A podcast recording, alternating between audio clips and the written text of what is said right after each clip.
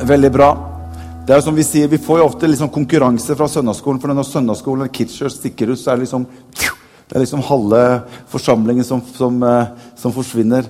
Vi, eh, men vi, vi, som er her, vi, eh, vi koser oss, gjør vi ikke det? Godt å se dere alle sammen. Jeg tenkte jeg skulle fått litt mer lys i salen, for da ser jeg Der! Godt å se dere òg! Jesus lever. Eh, vi kommer jo holdt på å si nesten omtrent akkurat ifra en, eh, en, konferanse som vi har vært på de siste dagene, fra, ifra torsdag. Eh, en, en LED-konferanse som, eh, som eh, pinsebevegelsen har en gang i året. Og eh, dette var jo utgangspunktet noe som heter PBU-konferansen for pinsevennenes barne- og ungdomsarbeid. generelt i pinsebevegelsen. De hadde på en måte sin egen konferanse. Og så hadde vi noe som het i det forrige årtusen, tror jeg, noe som het Predikantkonferansen.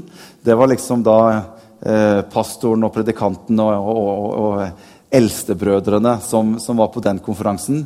Men så tenkte vi at la oss heller slå dette sammen til én konferanse. Hvor alle kan få lov til å være sammen. Så vi er nede i, i Stokke, tror jeg det er, nede i, i, på Brunstad eh, konferansesenter, eller Oslo Convention Center, som det heter nå. Et stort kjempesvært kompleks der nede. Hvor uh, i år tror jeg det var en ny rekord med 1600 påmeldte ledere fra hele Norge. Og Vi var der med en, eh, med en stor delegasjon fra Pinsekirken. tror vi var rundt 26 stykker fra oss som har vært der nede noen dager og vært sammen med alle andre ledere fra hele Norge. Og En fantastisk opplevelse å få lov til å være med og se at så mange engasjerte ledere pastorer, predikanter, ungdomsledere, barneledere, lovsangere, musikere som ønsker å være med å bygge Guds rike videre i landet vårt. Det er framtid, og det er håp i det. Og Vi kan få lov til å stå sammen, styrke hverandre, be for hverandre, løfte hverandre opp og kjenne at morgendagen tilhører Jesus. Amen. Så det var veldig bra. Så vi kommer hjem derfra i, i uh, seint i går kveld, natt. Så uh, nå er vi her, og jeg har lyst til å dele noen ting eh, med dere formiddag. Er dere klar for å høre litt Guds ord? Bra. Jeg begynte på, på, på noe som jeg kalte for, for min identitet forrige søndag, ut ifra Jakobs sitt liv. Så jeg kommer litt tilbake til det, men, men, jeg har lyst til å dele noe ifra mitt hjerte rundt dette som har med din og min identitet å gjøre.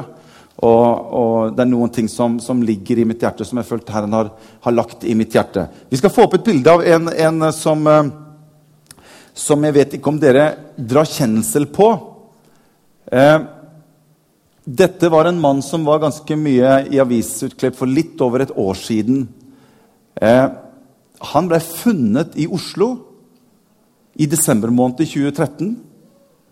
Eh, han våknet opp og når de spurte han hvem han var, så sa han jeg, jeg vet ikke.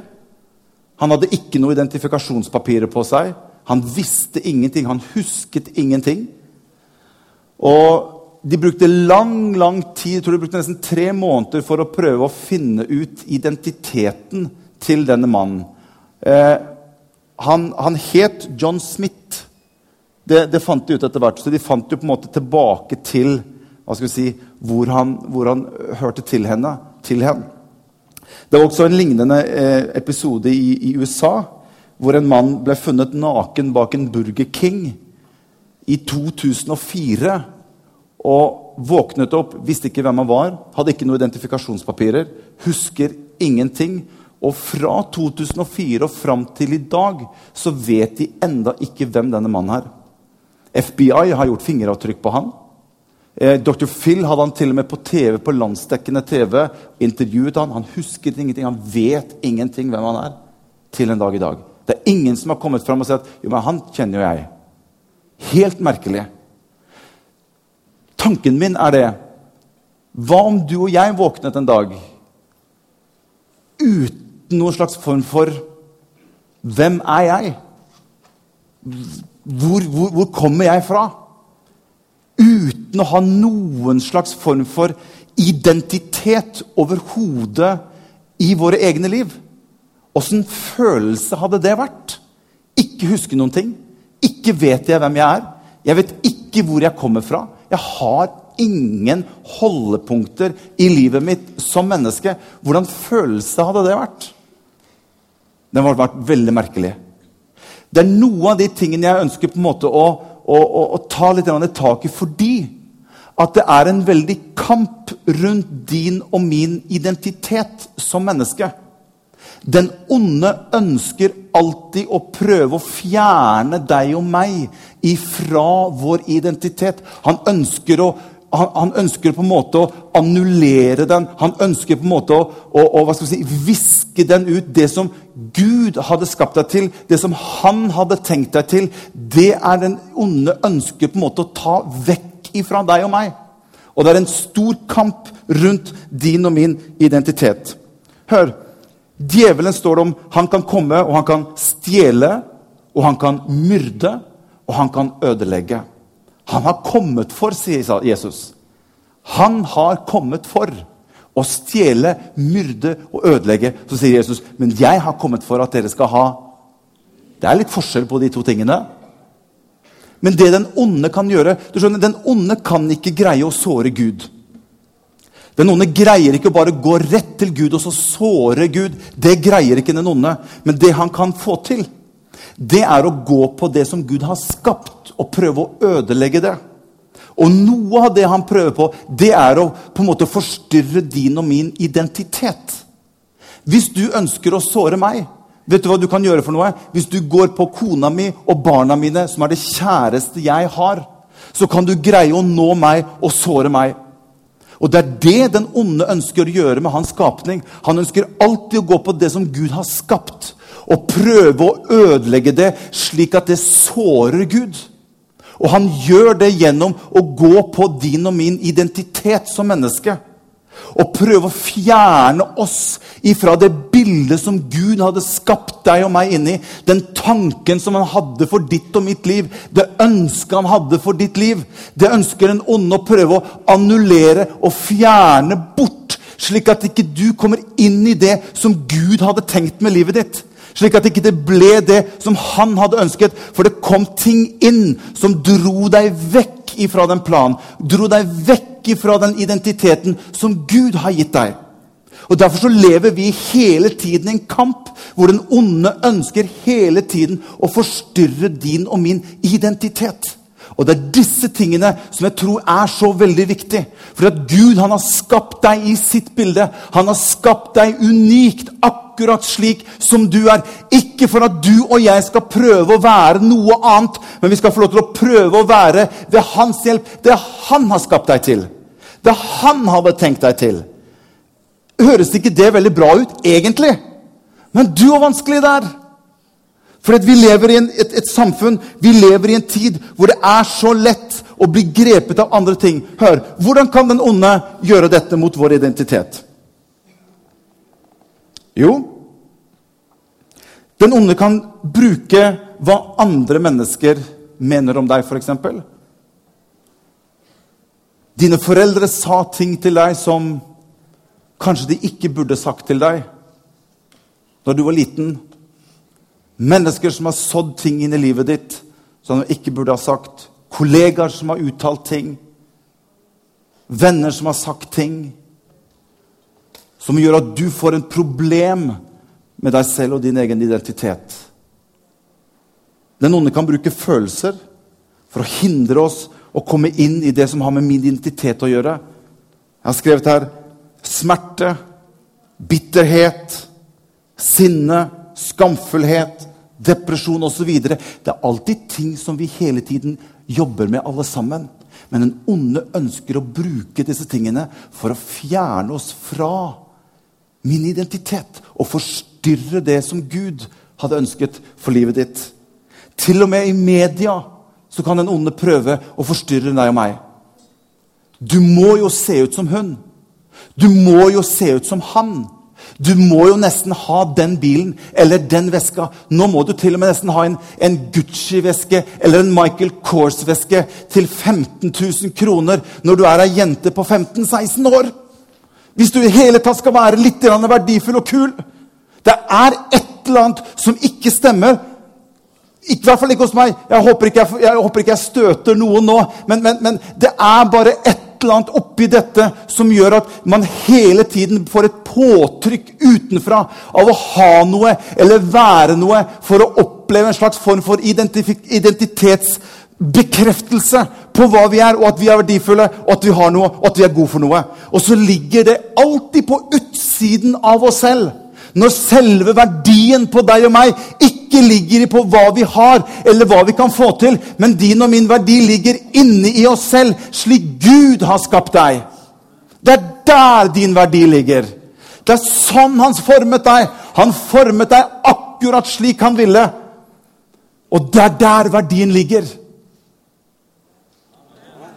Ja, men jeg synes, Hadde jeg sittet nede, så hadde jeg sagt 'ammen' der. Ai, ai, ai, ai, ai. Halleluja. Er, jeg syns dette er bra. Jeg kommer til å høre på den talen selv når jeg kommer hjem. Der kan jeg bare gå inn på MP3-senteret, og så kan jeg høre den her. Hør!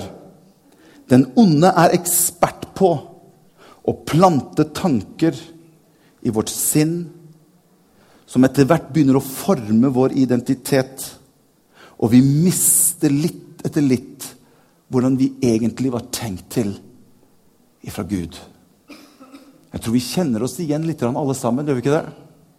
Det er ting hele tiden som ønsker å komme inn og forstyrre oss. Hvordan kan jeg kjenne min identitet? For det Salme sier slik en mann hva står det for noe?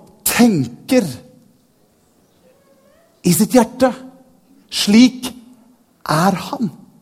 Hvordan tenker du om deg selv? Hvordan tenker jeg om meg selv? Og disse tingene er, er, er viktige.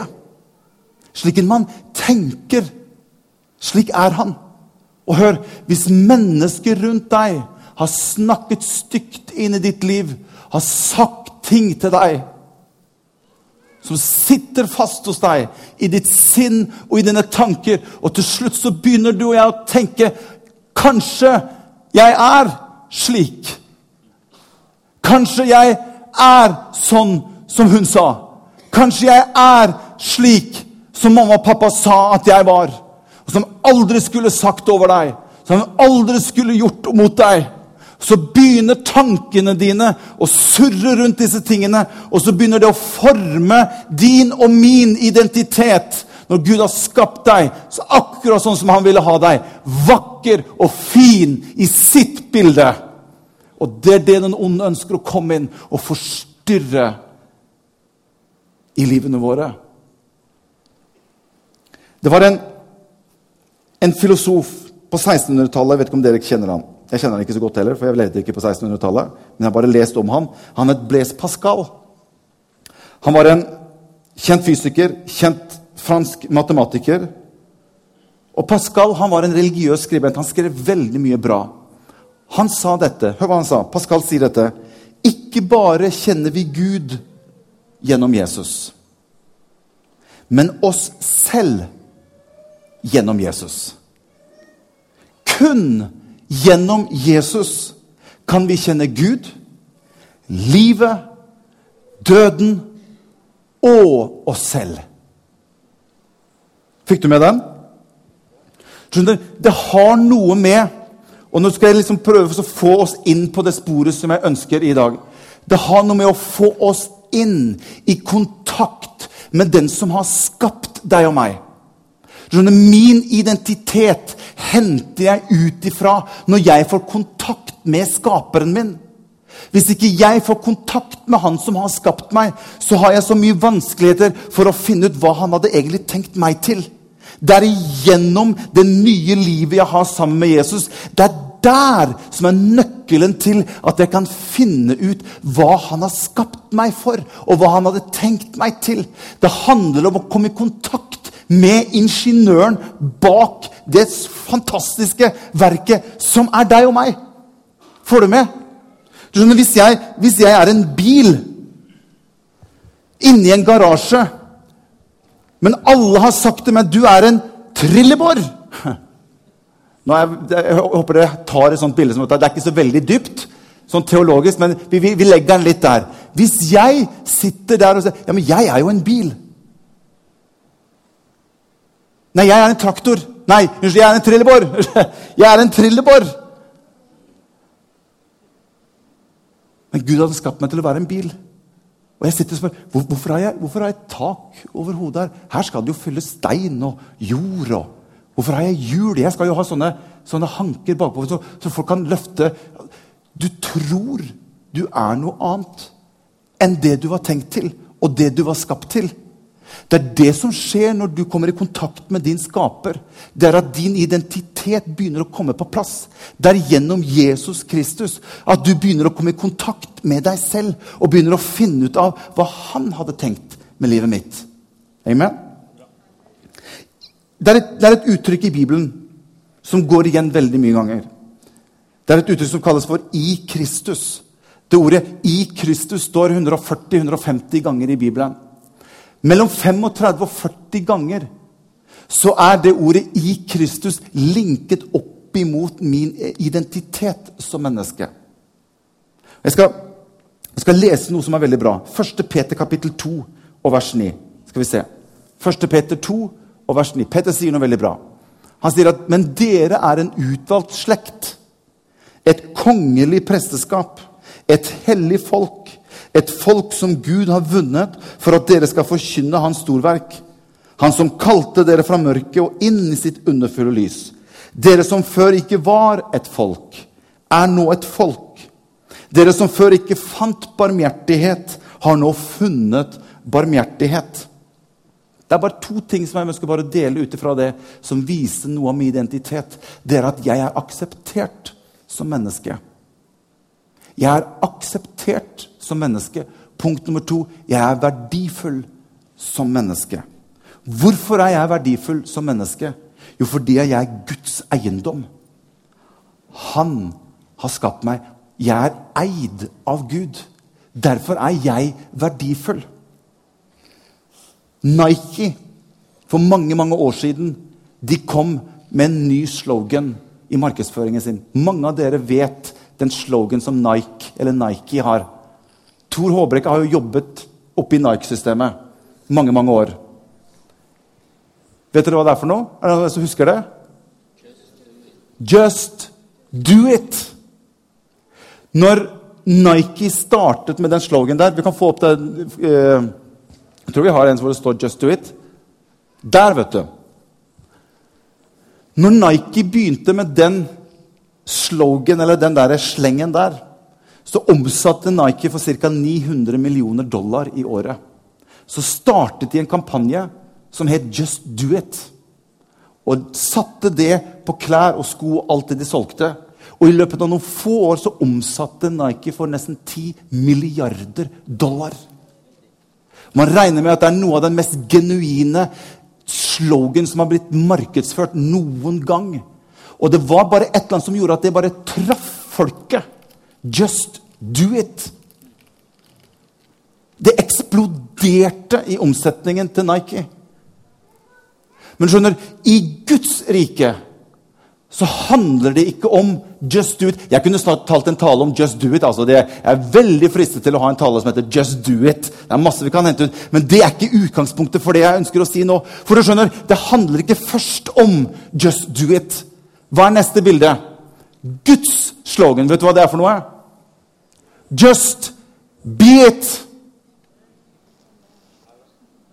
Just be it. Bare vær det.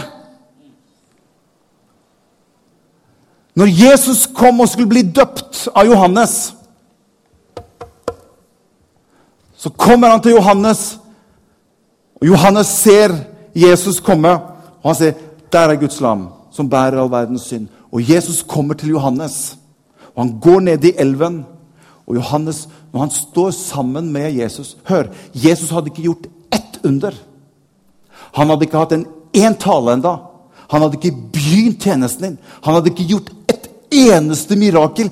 Ingenting hadde Jesus gjort. Og han går ned i elven der, står med Johannes, og står det Da åpnet himmelen seg over dem og en røst ifra himmelen. Hva var det som skjedde? Pappaen til Jesus roper ned, og sier han, 'Dette er min sønn, som jeg har velbehag i. Før Jesus hadde gjort noe som helst, så bekreftet pappa sønnen sin. Uten at han hadde gjort noe mirakel, så fikk han denne bekreftelsen på sin identitet. 'Dette er min sønn.' Og vi vet som foreldre at det å stå og spille og se på gutta som spiller fotball, eller om du står og ser på jentene, eller etter hva det er for noe, det at pappa og mamma står på sidelinjen, det er noe spesielt når pappa sier, 'Vet du hva, det er så bra! Du er så flink!' Det spiller ikke alltid rolle hvordan du er, om du skårte mål eller ikke. Bare du i deg selv er bra. Og det er det Gud gjør med sønnen sin akkurat her. Han er pappaen som ser ned på sønnen sin og sier han, 'Dette er min sønn'. I han har jeg velbehag. Og rett etter det så tar den onde Jesus med ut i ødemarken, står det, for å friste han. Og Det er veldig spesielt å legge merke til. For du skjønner, Den onde ønsker alltid å dra deg og meg fra å være til å være gjørere og det å ha ting. Legg merke til når, når den onde tar Jesus ut i ødemarken. Hva er det den onde prøver å få Jesus til? Han prøver å få Jesus til å bli usikker på sin identitet. Det er derfor den onde sier til Jesus, 'Hvis du virkelig er Guds sønn, så gjør dette, da.' Han legger et press på Jesus til å gjøre noe for å være en bekreftelse på hvem han er. Og det er sånn som skjer hos deg og meg i livet. Vi må prøve å gjøre noe. Vi må prøve å ha noe. Vi må prøve å oppnå noe. Og så tenker jeg at hvis vi gjør det, hvis jeg får det, hvis jeg greier å få til det, så er det statusen min. Så er det identiteten min. Da er det det jeg liksom kan stå med høy rygg og være liksom, Det er min identitet. Og det er det den onde ønsker alltid å prøve å få oss til. Fra å være til å være gjørere og på en måte prøve å finne vår identitet ut ifra hva vi gjør, og hva vi har. Hvis du virkelig er Guds sønn, så gjør det, da. Få se. Og Jesus kunne bytte om hele rekkefølgen og si nå skal jeg vise deg, nå skal jeg gjøre dette. Da er jeg Guds sønn. Hæ? Nå skal jeg få til dette. Ja, da er jeg bra. Nå skal jeg gjøre dette her. Da er jeg flink. Og hør, Noe av dette har vi dratt med oss inn i kristenlivet. Vi blir prestasjonskristne. Som blir slik at hvis du gjør sånn og sånn og sånn, hvis du ber sånn og sånn og sånn, hvis du er så og så, så flink, hvis du er så og så god, ja, da er du en god kristen. Ja, da er du skikkelig. Ja, da er du en sånn trestjerners pinsevenn, eller hva vi kaller det for. Da har du alt på plass, fordi jeg kan se alt det du gjør. Jeg kan se alt det du får til. Og så henter vi vår identitet ut ifra det. Men vår identitet ligger ikke i hva vi gjør, men vår identitet ligger i hvem vi er. Bare vær det. Vær en sønn, og vær en datter. Det er verdien din. Det er identiteten din. Og det er i det forholdet der, når du får kontakt med den, det er ut ifra det at de andre tingene vokser. Som et resultat. Det begynner ikke med hva jeg gjør, men det begynner med hvem jeg er. Thank you, sister. Halleluja. Halleluja. Du er min sønn, den elskede. I deg har jeg min glede. Jeg har skrevet at alt han gjorde, Jesus, alle under, alt overnaturlig han gjorde, gjorde han først og fremst ut ifra hvem han var. Derfor sier Jesus at den som har sett meg, har sett min far. Han sier ikke at den som har sett hva jeg gjør, har sett min far. Han sier, 'Den som har sett meg, har sett min far'. Djevelen ønsker å flytte identiteten til hva jeg gjør. På den måten holde deg unna hvem du er. Halleluja. Og så har jeg skrevet en fin her. Den kan du tvitre. Hvis du, hvis du twitterer, så kan du skrive den her. Det handler ikke om å gjøre så du kan være. Men det handler om å være så du kan gjøre. Halleluja. Se hva som står i Daniel kapittel 11 og vers 32. Jeg skal gå litt videre her. Daniel kapittel 11 og vers 32. Der står det noe veldig bra.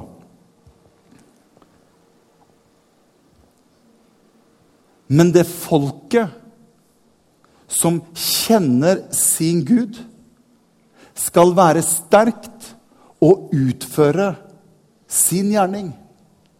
Det er tre nøkkelord ut ifra det som jeg har sagt, som står her. Det folket som kjenner sin Gud, skal være sterkt og utføre sin gjerning. Ser du rekkefølgen? Det begynner først med å kjenne Jesus. Det begynner først med å kjenne han. Og når du kjenner han, så begynner du å være det han hadde tenkt deg til. Og når du begynner å være det han hadde tenkt deg til, så ut ifra det så kommer gjerningene. Det kommer som en frukt ut av livet ditt. Fordi at du er sammen med ham, og du har begynt å lære ham å kjenne. Det er derfor Jesus sier til, til Martha og Maria når de sitter her, så sier Maria har valgt en gode del. Martha, du gjør deg strev og uro med så mange ting. Du er mye mer opptatt av å gjøre, Martha. Men Maria har valgt en gode del. Hun har satt seg først ned med meg og er sammen med meg. Og ut ifra det så kan jeg få lov til å virke gjennom Maria. Halleluja. Vi snakket forrige uke om Jakob. Som prøvde å være noen annen enn den han var. Som prøvde å være Esau. Han gikk så langt at han løy til sin egen far med en annens identitet. For han hadde så lyst på den velsignelsen. Han var så desperat etter å få tak i den velsignelsen at når pappa hans spør hvem er det, så sier han det er Esau. Hvor langt er vi villige til å gå for å prøve å få tak i noe som vi ønsker? Men Jesus kom inn i Jakobs liv på slutten av livet hans. Han flyktet fra Esau. Han flyktet med denne konflikten i sitt indre av å prøve å være noe annet enn den han egentlig var. Og denne mannen spør, når Jakob sier 'Jeg slipper deg ikke før du velsigner meg', så sier denne mannen, 'Ok, men hvem er du?' Har du kommet til et punkt nå, Jakob, hvor du slipper det som du har holdt fast i tidligere, så sier han, 'Jeg heter Jakob.' Og nå vil jeg at du skal velsigne meg. Jeg orker ikke å være noe annet enn den jeg er. Orker ikke å prøve å få noe som jeg ikke trenger. Orker ikke å prøve å oppnå en popularitet eller noe som, som ikke er meg. Det er ikke meg. Jeg går på kompromiss med meg selv hele tiden. Jeg prøver å være noe annet enn den jeg er. Herre, mitt navn er Jakob. Kan du velsigne meg? Kan du bruke meg slik som jeg er? Så sier, så sier den mannen, nå, Jakob. Nå er du ærlig mot din identitet. Nå har vi møttes. Nå er du den jeg har skapt deg til å være, Jakob. Fra nå av skal du hete Israel. Da kommer han inn i den identiteten som Gud hadde for Jakob fra begynnelsen av. Og det eksploderte ut ifra Jakobs sitt liv. Esau solgte førstefødselsretten sin for en liten kopp med suppe. Og Esau var fortvilet, for han ønsket å få tilbake igjen den velsignelsen han hadde mistet. Det så at Esau gråt mye, men ingenting kunne hjelpe Esau. Han mistet det han kunne fått. Du og jeg, vi mistet også førstefødselsretten vår da synden kom inn blant mennesket. Men det fins en annen historie også om to sønner. En veldig kjent historie som du kan lese om i Lukas. Der den ene kom til pappaen sin og sa at 'jeg vil ha arven min nå'. 'Jeg vil ha det nå'. Akkurat som Esau. Jeg, jeg, jeg venter ikke på noe. Jeg vil ha den bollen med suppe nå. Og han fikk del av arven sin og gikk ut. Og det står at Han hadde brukt opp alt sammen. Han begynte å bli sulten. Han bodde blant grisene og begynner å tenke at selv tjenerne til pappa har det bedre enn det jeg har det nå. Det står at Da han kom til seg selv, så begynte han å vende hjemover til pappaen sin. Og hør, pappaen kom han i møte. Han hadde, han hadde mistet arven sin. Og han kommer denne gutten i møte. Så sier han, 'Velkommen hjem'. Du, hvordan er det du ser ut? Folkens, hent litt festklær. La oss kle opp igjen denne gutten min. Du er sulten. La oss, la, oss, la oss slakte den beste gjøkalven. La oss lage fest, for sønnen vår har kommet tilbake.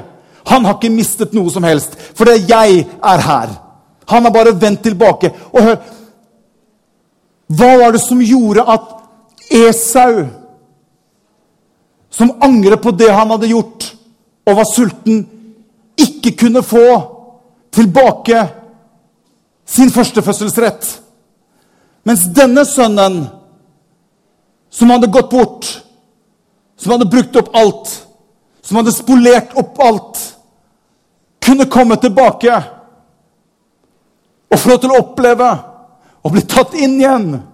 Og pappaen sier at alt mitt er ditt. For det fins en annen førstefødt. Og hans navn er Jesus. Og han kom inn, og han døde for hele verdens synd. Og han kom inn, og så gjorde han det slik at du og jeg som mennesker som var fortapt, som ikke hadde noe håp lenger, hvor alt håp var ute. Vi kunne få lov til å komme tilbake og få førstefødselsretten tilbake gjennom Han som var den førstefødte, men som ikke tok den til seg selv, men som var villig til å dø for oss slik at vi sammen med han kunne få lov til å oppleve og komme tilbake og få lov til å ta del i livet sammen med Jesus. Sånn er han. Amen. Derfor så står det i Romerbrevet kapittel 8 og vers 29. Se hva som står her. Den som han på forhånd har vedkjent seg, har han også på forhånd bestemt til å bli formet etter sin sønns bilde så han skal være den førstefødte blant mange søsken. Og i den så er du og jeg inkludert. Du har ikke spolert bort. Om du føler at du har kommet på avveie, om du føler at ikke du har gjort det så bra, om du føler at du har mislykkes, om du føler at livet har ikke blitt slik som du hadde tenkt det Hør! Gud står alltid og venter på deg, slik at han kan få lov til å dele det som han har for deg i ditt liv. Uansett hvordan det står til, uansett hvordan det gikk, uansett om du falt, så står det om du faller, så reis deg opp igjen. Ikke bli liggende nede, for han har gitt deg førstefødselsretten i sin sønn Jesus Kristus. Og det står at når jeg gir mitt liv til ham, det gamle er borte. Se, alt er blitt nytt igjen. Det er min nye identitet. Det er i Han jeg lærer meg selv å kjenne. Det er i Han jeg kan få lov til å oppleve å være et menneske. Og det er gjennom Han at Han skaper noe i meg som gjør at Han må jeg bare fortelle om. Han er så fantastisk og god. Han ønsker jeg å gi livet mitt for. For en fantastisk Gud vi tjener. For en fantastisk Gud vi tjener. Halleluja. Han har gjort meg til arving og Derfor skal jeg avslutte bare med Jesajas kapittel 43. Dere sangere kan komme opp. Jesajas 43 og vers 1. Halleluja. Men nå sier Herren, som skapte deg, Jakob, og som formet deg, Israel. Ser du de to sidene? Jeg skapte deg, Jakob, og jeg formet deg, Israel. Selv etter at Jakob ble kalt for Israel, så bruker Gud i Bibelen Jakob og Israel om hverandre helt til hans dødsdag. Skulle tro at nå var det bare Israel han skulle hete.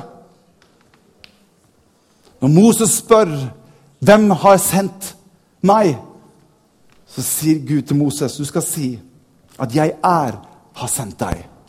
Men hvem er du, da? sier Moses. Så sier han, jeg er Abrahams.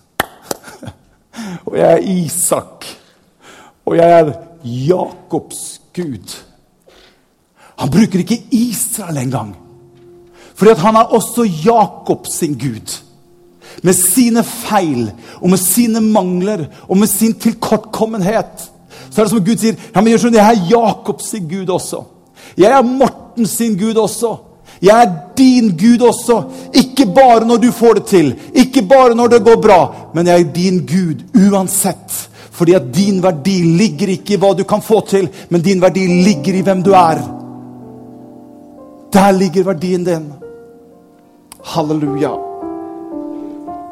For jeg har forløst deg, og jeg har kalt deg ved navn. Jeg har kalt deg med ditt navn. Jeg har kalt deg med ditt navn. Så sier han, 'Du er min'. Du er min. Du er min. Han bruker navnet ditt på deg. Så sier han, 'Du er min, Wenche'. Du er min, Tom. Du er min, Camilla. Jeg kaller deg ved navn. Du er min, Berit. Jeg kaller deg ved navn. Du er min, Jan. Det er ut ifra det fellesskapet at jeg kan få lov til å oppleve at min identitet ligger ikke i hva jeg kan få til. Min identitet ligger ikke i hva jeg har. Min identitet ligger i verdien av at jeg er Guds eiendom. Kan vi ikke reise oss opp, alle sammen? La oss bare, bare være i bønn, alle sammen. Skal vi gjøre det? La oss bare bevare litt konsentrasjon litt til. Halleluja. La oss lukke våre øyne, alle sammen. Jesus er her. Jesus er her. Jesus kaller på deg.